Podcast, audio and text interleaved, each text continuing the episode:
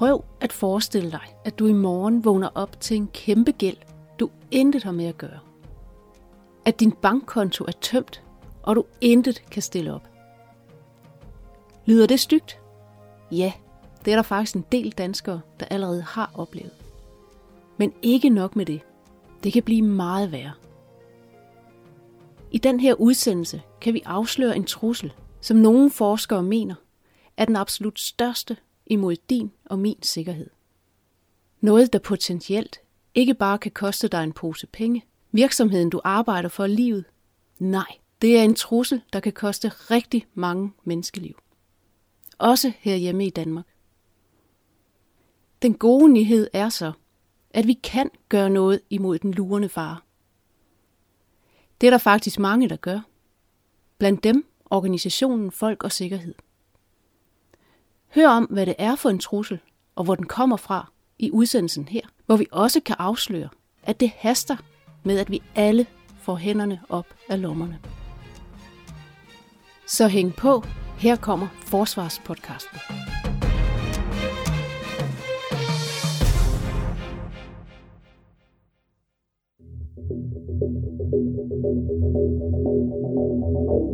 Denne gang følger vi sporet af både avancerede forbrydere, spioner og fremmede magter, der prøver at ødelægge eller destabilisere os. Med andre ord bevæger vi os ind på en digital slagmark, som kun få kender til, men som samtidig berører os alle. Hele tiden. Gang på gang kan man i medierne fortælle om dramatiske cyberangreb og trusler mod vores computersystemer. Helt op imod 80.000 computere i Danmark er smittet med Hackers targeted a U.S. information technology firm over the 4th of July We return now to the two cyber intrusion stories the hacking of Twitter and the allegation that Russians tried to access vaccine research. En rapport udgivet i maj 2020 fra Center for Militære Studier på Københavns Universitet afslører, at en del af de oplistede angreb blev udført af lande som Iran, Nordkorea, Kina og ikke mindst Rusland. Netop Rusland er et land, der huser særligt mange hackere, ser det ud til. Både almindelige kriminelle, men også hackere, der har tydeligvis et link til den russiske stat. Det viser både diverse efterretningsrapporter, men også f.eks. en BBC-dokumentar fra 2021, hvor det lykkedes et tv-hold at spore flere af bagmændene. More Russians have been sanctioned and indicted for hacking than any other country. Most of these men are said to have links to or work directly for the intelligence services. But there are some who are accused of being flat out cyber criminals. And instead of Ph.D. Tobias Liebetrav, der er manden bag den førnævnte rapport fra Københavns Universitet, skriver blandt andet. Det er ikke uden grund, at cybertruslen i dag regnes for at være et af de absolut største trusler mod Danmark, hvis ikke den største. Den opfattelse gælder både i et nationalt sikkerhedspolitisk perspektiv, såvel som i det danske erhvervsliv.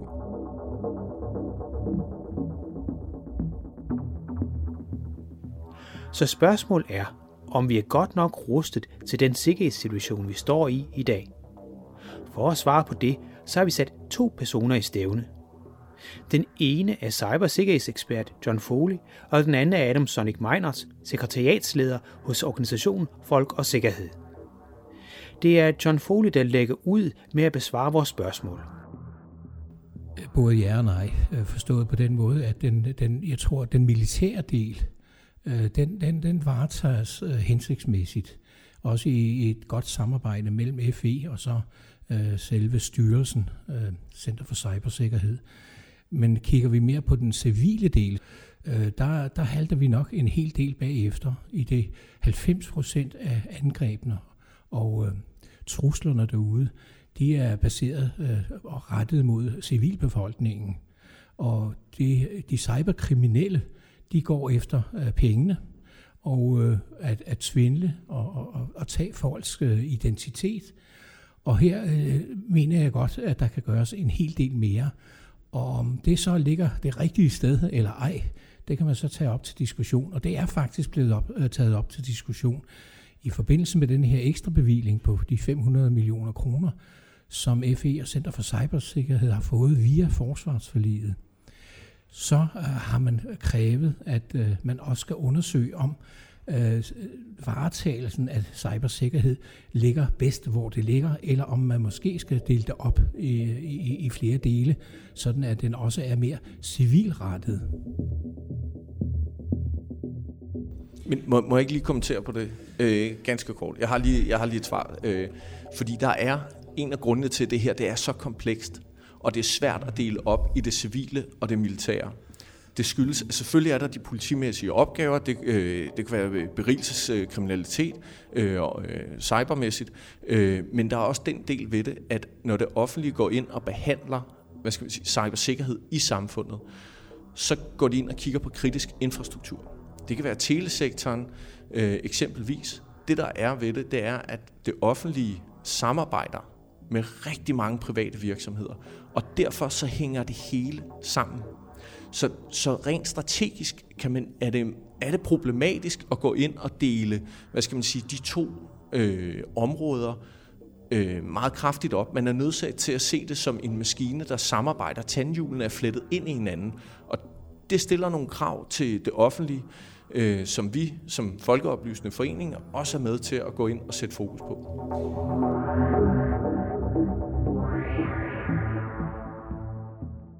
Så Adam Sonic Miners mener ikke, at det kan deles så skarpt op.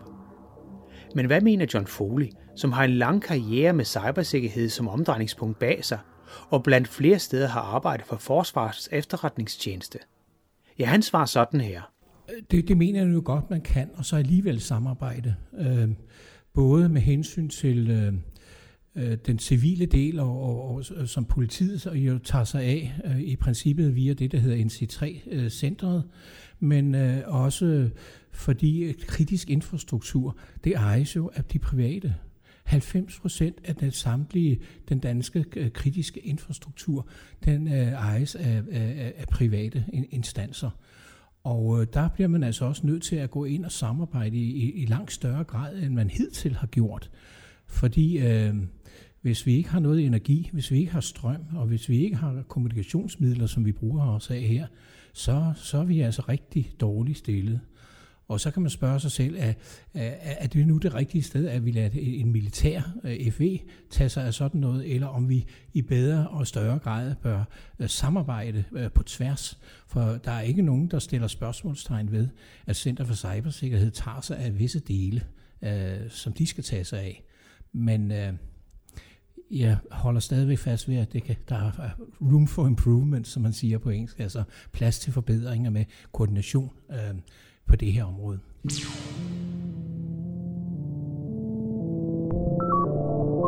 So, what does all this mean for social media security and for the upcoming election? The US, the UK, and Canada not only. Frederik Neldal We return now to the two cyber intrusion stories the hacking of Twitter and the allegation that Russians tried to access. Russian intelligence unit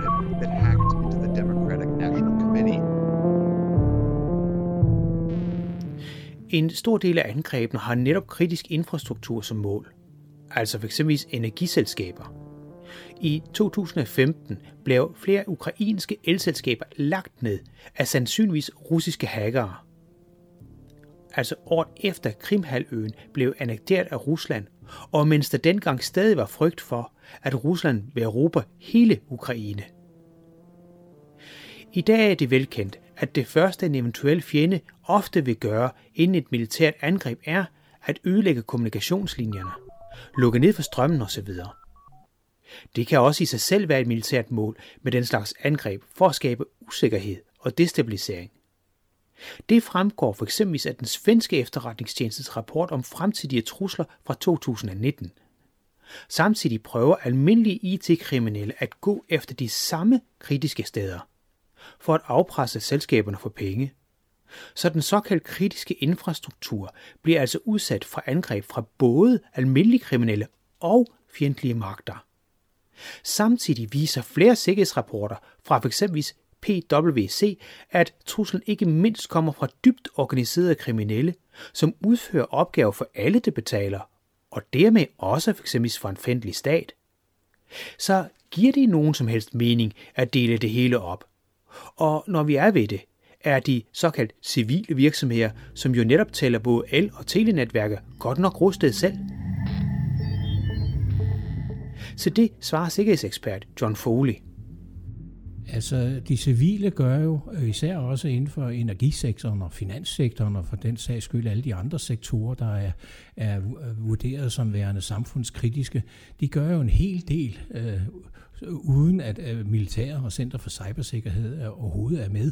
Øh, de har deres egne, skal vi sige, beskyttelsesforanstaltninger også til at imødegå, øh, hvis der falder strøm ud. For har vi ingen strøm, så har vi ingenting.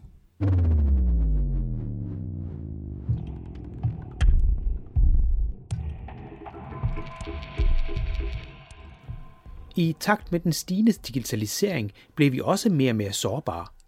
Flere og flere data bliver sammenkørt, og det udgør ifølge John Foley dermed også en øget sikkerhedsrisiko. Amalie Andersdotter, tidligere svensk medlem af Europaparlamentet og nuværende sikkerhedsekspert, har i årvis peget på netop samkøring af data som en stor sikkerhedstrussel. Hun fastholder i øvrigt over for os sine betænkeligheder den dag i dag – Eller som Tone Foley siger her. Ja, øh, altså der er jo ingen tvivl om, øh, at der er sket en eksplosiv udvikling her i de sidste 10-20 år med hensyn til digitalisering. Og det går jo kun, øh, og, der, og der bliver kun mere og mere af det. Øh, regeringen er ved at, at, at skulle barsle med en såkaldt digitaliseringsstrategi, og øh, der vil man også kunne finde ud af, at øh, der er ikke et eneste område af, af samfundet, der ikke er blevet berørt på, på en eller anden måde her. Tag bare alene sundhedssektoren, hvor man snakker om at ville samkøre en masse øh, forskellige øh, data og, og forskellige øh, lager af, af data om dig og mig, og hvad der ligger af tusindvis af informationer, øh, lige fra, fra, fra gener og til DNA, og så til blodprøver osv. Og, så videre, og, så videre. og øh, de, der er virkelig digitaliseringsbegejstrede, det er sådan set også en lille smule, men øh, man, det nytter ikke noget, man farer øh, afsted med hovedet under øh, øh, armen, øh, og man bør i stedet for meget mere fokusere på, hvordan sikrer vi så øh, borgernes øh, data. Og der øh, vil jeg sige, der halter det.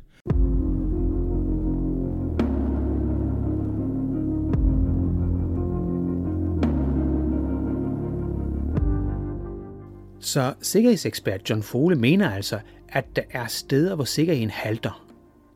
Det er han langt fra enig om at mene. Microsofts Digital Defense Report, som udkommer hvert år, fortæller i år om, at det er alle, der er under konstante angreb. Fra den almindelige borger til banker og endda sundhedssystemer.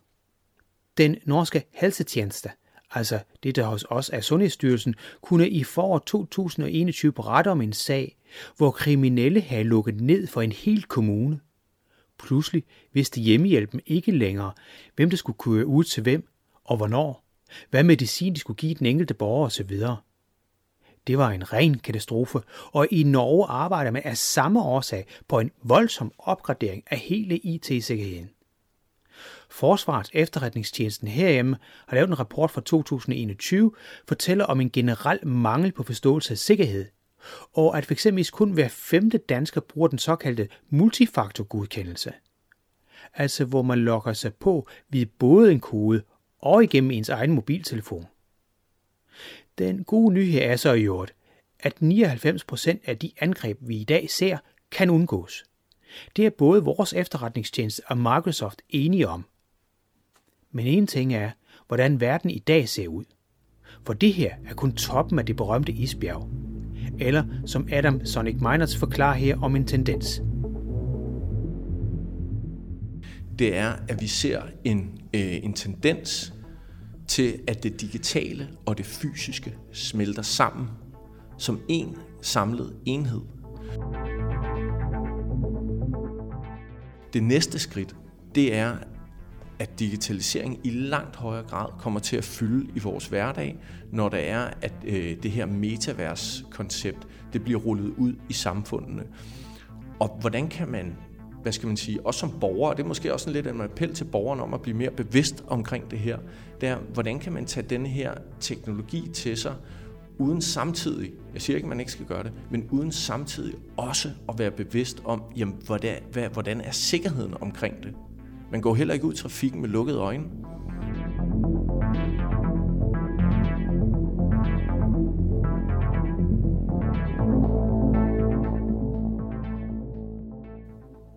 Nej, det er vel næppe nogen, der mener, at det er en god idé at krydse en befærdet vej med lukkede øjne.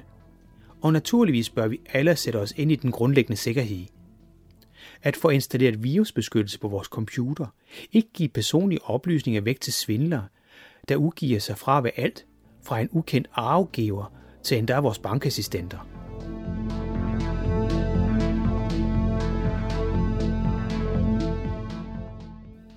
Det næste skridt er så at være bevidst om, hvem der indsamler hvilke data. For de kan misbruges. Men det kan blive svært nok. For f.eks. hvis både Facebook og Google indsamler hele tiden viden om os.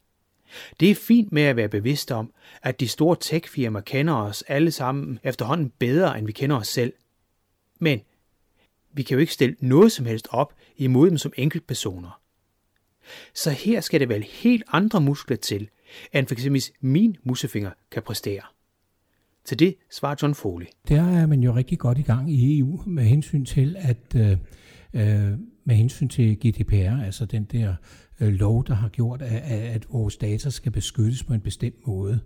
Men øh, EU er jo også gået i spidsen med hensyn til at øh, være efter de her tech-giganter og har faktisk øh, her for nylig øh, idømt en, en bøde på 150 øh, millioner øh, kroner, og det er så en af vores egne, øh, der har sørget for det nede i EU-land. Og øh, der er man meget opmærksom på det her med digitalisering og, og, og de skal vi sige, udfordringer, der ligger i at, at sørge for, at, at befolkningerne og øh, de enkelte borgere øh, kan leve øh, i, i tryghed på det her område. Så man er, man er faktisk i gang, øh, men øh, der er lang vej endnu. Ja, og, og, og som supplement til det, John han siger, det som, øh, som jeg ser, øh, og som jeg efterspørger, det er, at man internationalt, også i EU, bliver langt bedre til på øh, nationalstatsniveau at blive enige om, hvordan er det, vi ser denne her trussel. Hvordan er det, vi skal, vi skal arbejde med digitaliseringen, samtidig med, at vi arbejder med sikkerhed. Findes to paradigmer lige nu, øh, hvor det er, man øh, på den ene side har sådan en, en, øh, en lidt længere øh, hvad hedder det, armslængde til cybersikkerhed, fordi man måske også har nogle egne interesser i selv at kunne presse citronen lidt, når det er, at man selv gerne vil ud og have nogle oplysninger osv. Og på den anden side, så har du så nogle stater, som går ind og siger, vi vil ikke finde os i noget som helst. Et hvert øh, overgreb i på det digitale, det skal øh, karakteriseres præcis som et fysisk overgreb. Altså en overskridelse af nationalstaternes øh, territorialgrænse. Så jeg ønsker virkelig, at man fra øh, international side, når vi går ind og berører det her emne nu, går ind og kigger mere på, hvordan er det, vi kan få en konsensus på området. Fordi hvis du ikke har internationalt, det her det er et problem, der flyder over landegrænser, hvis du ikke har nogle internationale retningslinjer for det her, så bliver det enormt svært for nationalstaterne at arbejde med, fordi alting hænger sammen ude i den store verden. Cyber attacks in history. Up to 1,500 businesses could have been affected, and the group responsible is demanding $70 million in ransom. Information about the development of the coronavirus vaccine, but it was being done by the same Russian intelligence unit. Helt op imod 80.000 computere i Danmark er smittet med ondsindede virus, der gør hackerne i stand til at overtage kontrollen med computerne.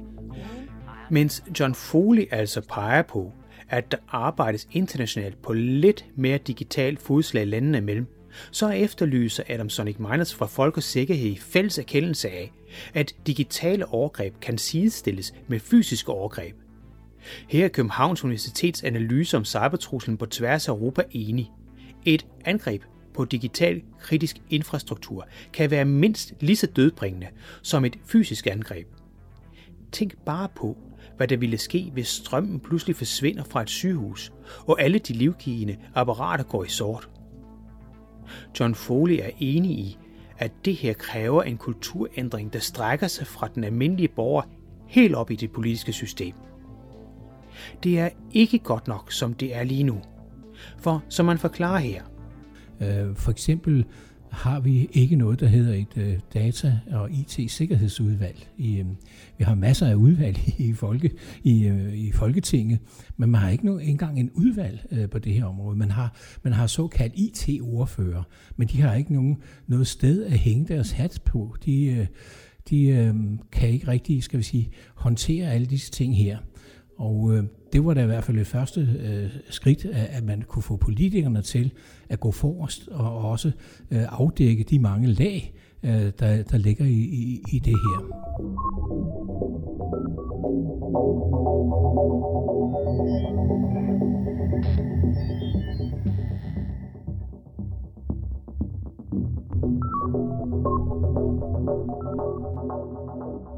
Ser det virkelig så sort ud?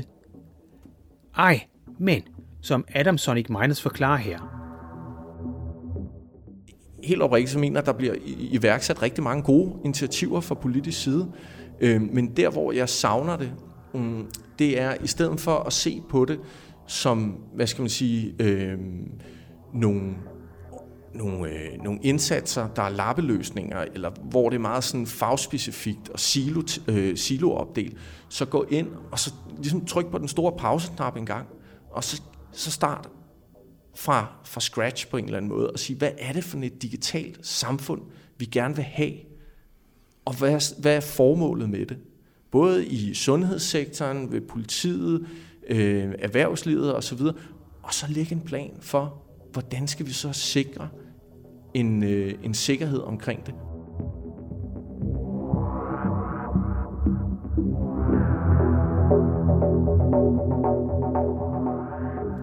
Adam efterlyser altså lidt mere omtanke.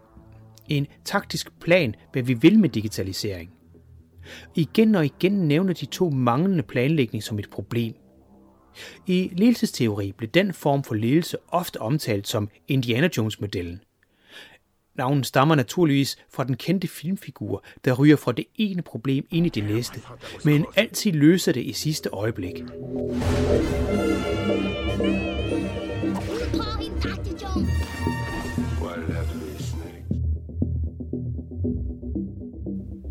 Men du er den, indrømt, ret underholdende måde at løse problemer på i den virkelige verden. Du er den til noget så komplekst og indviklet som digitalisering? Så det svarer John Foley. Nej, ikke, det gør det ikke, og øh, øh, man prøver også mange steder at, at virkelig at, at, at prøve på at se det netop fra det der helikopterperspektiv. Øh, flere lande, vi sammenligner os med, er, er jo kommet rigtig langt på det her område, også samarbejdsmæssigt.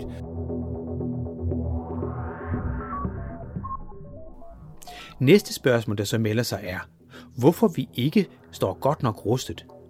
Altså uover vi alle skal være lidt mere bevidste om de digitale farer, der lurer derude.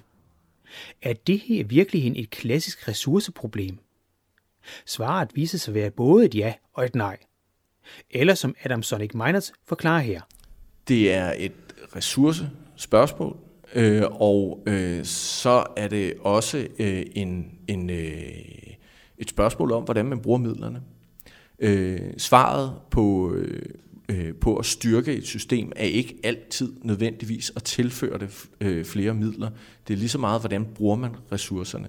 Men jeg vil også lige sige, i forhold til det, øh, så går udviklingen, som John også har sagt, rigtig stærkt.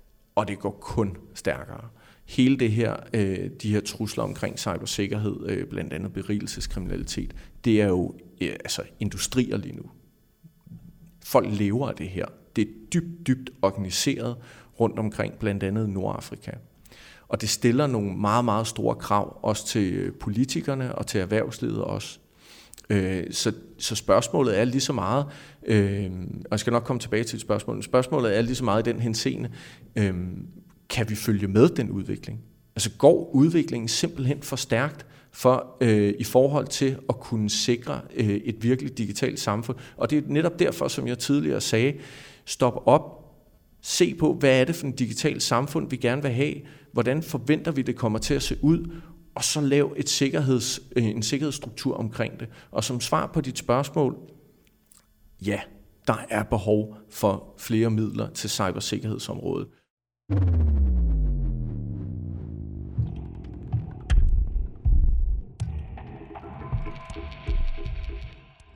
John Foley er enig. Da jeg spørger ham, om det overhovedet er muligt at følge med den rivende udvikling, de jo begge taler om, svarer han sådan her. Man, man skal først og fremmest erkende problemet. Det, det, det, det er det første skridt. Selvom der gøres mange ting, så sker det jo, skal vi sige, næsten med, med vandtætte skotter imellem de forskellige instanser.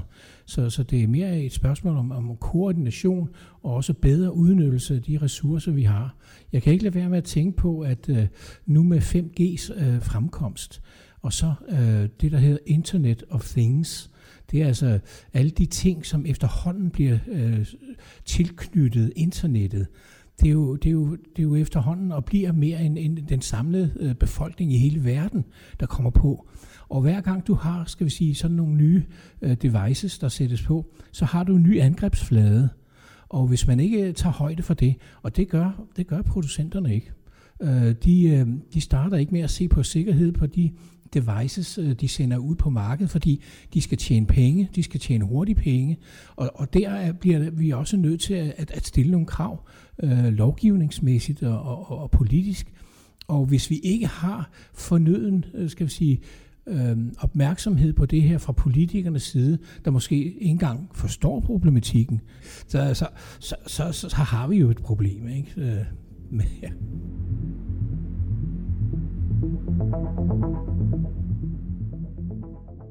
John Foley efterlyser altså både mere opmærksomhed, men også grundlæggende viden fra politikernes side. Så kort sagt, så efterlyser begge mere fokus på IT-sikkerheden over en bred kamp.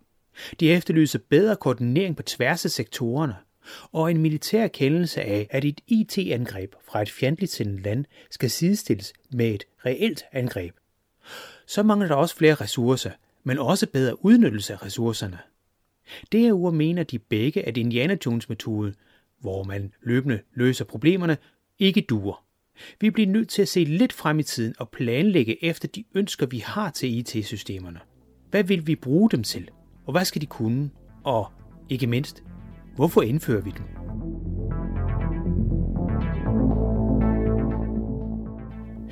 Hvis vi nu leger med tanken, at det falder i hak med et digitalt trylleslag, kunne vi så få et sikkert system? Findes der et sikkert system, som mange efterlyser? Til det svarer Adam Sonic Miners her til sidst. Så tanken om at bygge et system op, hvor vi holder angrebene ude, det er utopi. Det vi mere skal fokusere på, det er, hvad, hvad gør vi, når der angrebene sker? Og der er der to faktorer, der spiller ind her. Det ene, det er tid, og det andet, det er inddæmning af angrebet. Vi er nødt til at gå ind og se på, at vi har en ordentlig plan for, og det er den enkelte virksomhed også, hvordan er det, vi håndterer det her, når angrebet så rent faktisk sker. Vi kan inddæmme det, altså minimere skaden, og så tid netop også for at minimere skaden. Det er de to forhold. Det andet punkt, som jeg vil nævne her, det er, at vi kan opnå rigtig meget ved den menneskelige adfærd. Vi har også øh, kort nævnt det før. Men uddannelsen, kulturændringen, af øh, menneskers, borgernes tilgang til cybersikkerhed, det spiller også en rolle her.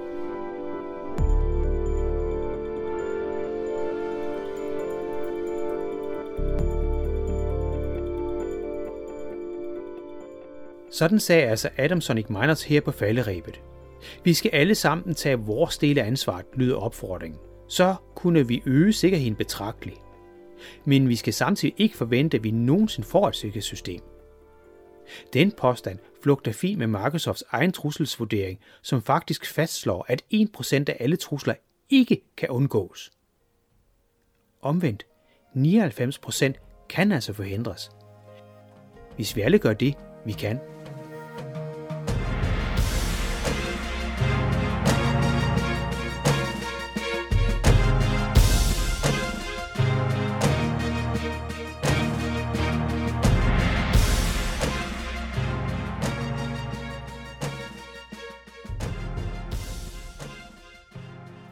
har hørt sikkerhedsekspert John Foley og Adam Sonic Miners.